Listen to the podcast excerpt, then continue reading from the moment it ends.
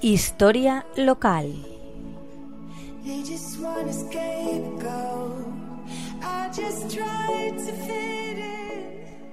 Buenas tardes, amigos de la Tegua Radio. Un amigo me ha hecho un regalo que ha supuesto para mí el descubrimiento de una escritora genial.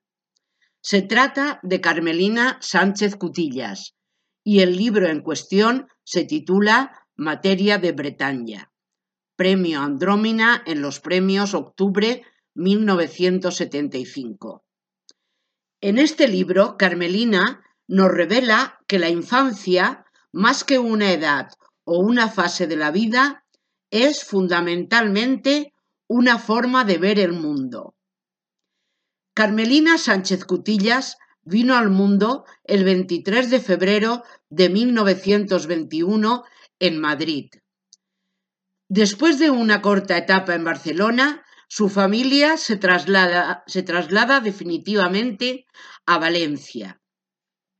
Pasó su infancia en Altea, donde vivió bajo la influencia de su abuelo, el historiador Francesc Martínez y Martínez, que tuvo gran influencia en su vida como escritora y en su amor a los libros de historia.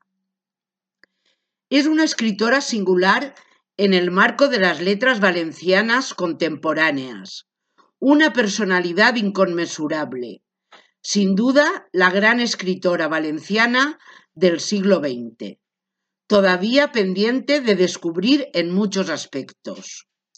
Su voz, enamorada de la vida, del conocimiento y de las palabras, tanteó desde las fronteras del silencio una triple rebelión justa y necesaria contra la sumisión lingüística, contra el totalitarismo ideológico y contra todas las intrincadas y fosilizadas formas de la discriminación por razón de género.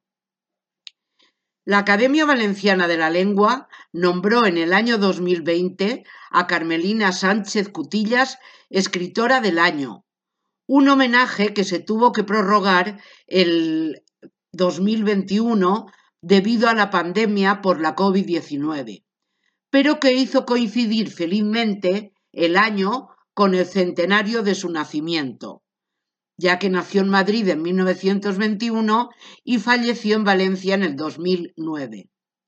Como hemos dicho, autora de la delicada y exquisita novela Materia de Bretaña, que recrea sus vivencias de niña en el pueblo de Altea. Destacó en el cultivo de la poesía realista de los años 60 y posteriormente nos deslumbró con el poemario, los jeroglíficos y la piedra de Rosetta. Hay que incidir, sin embargo, en otra dimensión totalmente desconocida, la de investigadora del pasado histórico de la antigua corona de Aragón. Asimismo, hay que hacer constar que una profunda coincidencia de género empapa toda su obra, tanto la de creación literaria propiamente dicha, así como su aportación histórica. Por todo ello, se la ha reivindicado como la gran escritora valenciana del siglo XX. Os seguiré hablando de ella, ya que la amiga María Isabel Guardiola Sabal, de la Academia Valenciana de la Lengua, nos va a seguir asesorando en esta figura femenina a la que ella ha investigado profundamente. Pues hasta la semana que viene amigos, un cordial saludo.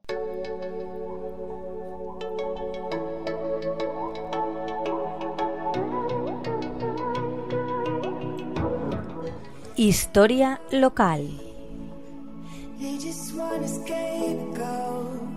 I just tried to fit in.